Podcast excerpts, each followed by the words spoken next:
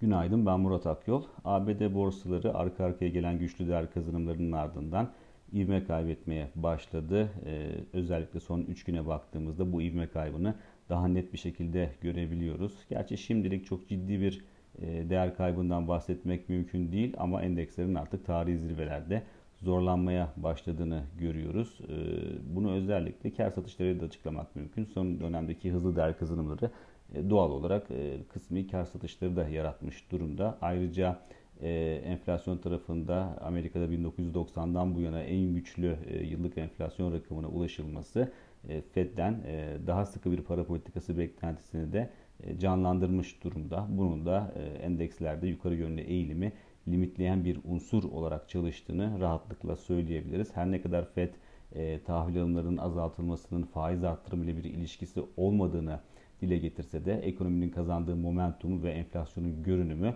e, gelecek yılın ikinci yarısında bir faiz arttırımı görebileceğimize işaret ediyor ki son toplantının ardından açıklanan e, projeksiyonlara baktığımızda da projeksiyonlarda da e, Fed üyelerinin 2022 yılında bir faiz arttırma ihtimalini ön plana çıkardıklarını görmüştük. Dolayısıyla piyasalarda artık buna biraz daha fazla ağırlık vermeye başladı.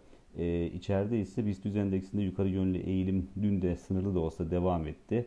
E, küçük çaplı bir değer kazanımıyla da olsa endeks günü artı bölgede kapatmayı 1625 puan seviyesinde kapatmayı başardı. Sık sık dile getirdiğimiz gibi endekste 1650 puan seviyesini e, hedef olarak e, görüyoruz. Dolayısıyla buraya kadar yükselişin önünde çok anlamlı bir engel yok ama tabii ki e, bu seviyeye doğru rahat bir şekilde endeksin hareket edebilmesi için yurt dışı koşullarında lehte olması gerekiyor. Diğer taraftan e, dolar TL'ye baktığımızda ise orada e, 9.90'ın da üzerinde rakamları test etmeye başladık. Bunu daha çok e, gelecek haftaki e, PPK toplantısında Merkez Bankası'ndan beklenen faiz indirimiyle açıklamak mümkün.